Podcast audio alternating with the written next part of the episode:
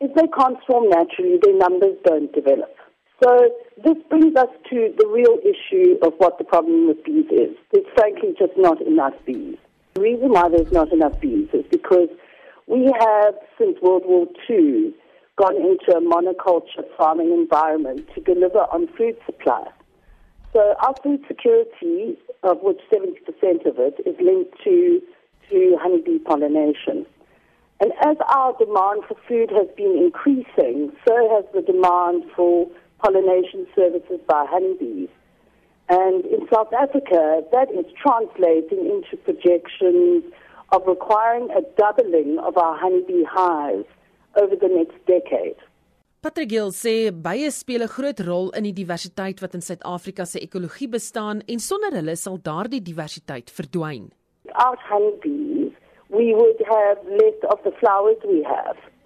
We wouldn't have this incredible span and scope in our biodiversity corridors that we have today. I mean, obviously you have birds and butterflies and other pollinators, natural pollinators, but honeybees play a key role in that, and bees in general, actually.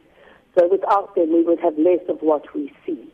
So hoe gemaak om die bye te red? Patrick Gill sê elke mens moet begin help om die bye te voer. When I started the effect, I looked at that and I looked at what is one of the critical areas around you know saving the honeybee is, is such a broad statement, but actually supporting our honeybees and supporting an industry which supports our food security is where I came at it from. And key to that is the word food. You know, as we need a diverse diet to be healthy and, and have strong um, immune systems, so do honeybees as well.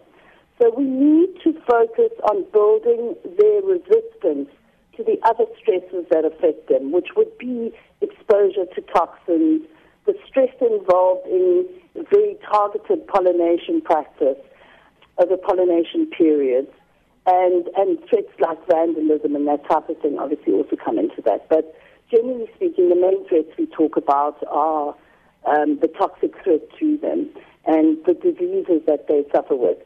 So to build up their immune systems is one of the key things in helping them um, develop into healthier swarms. And that requires feeding them properly.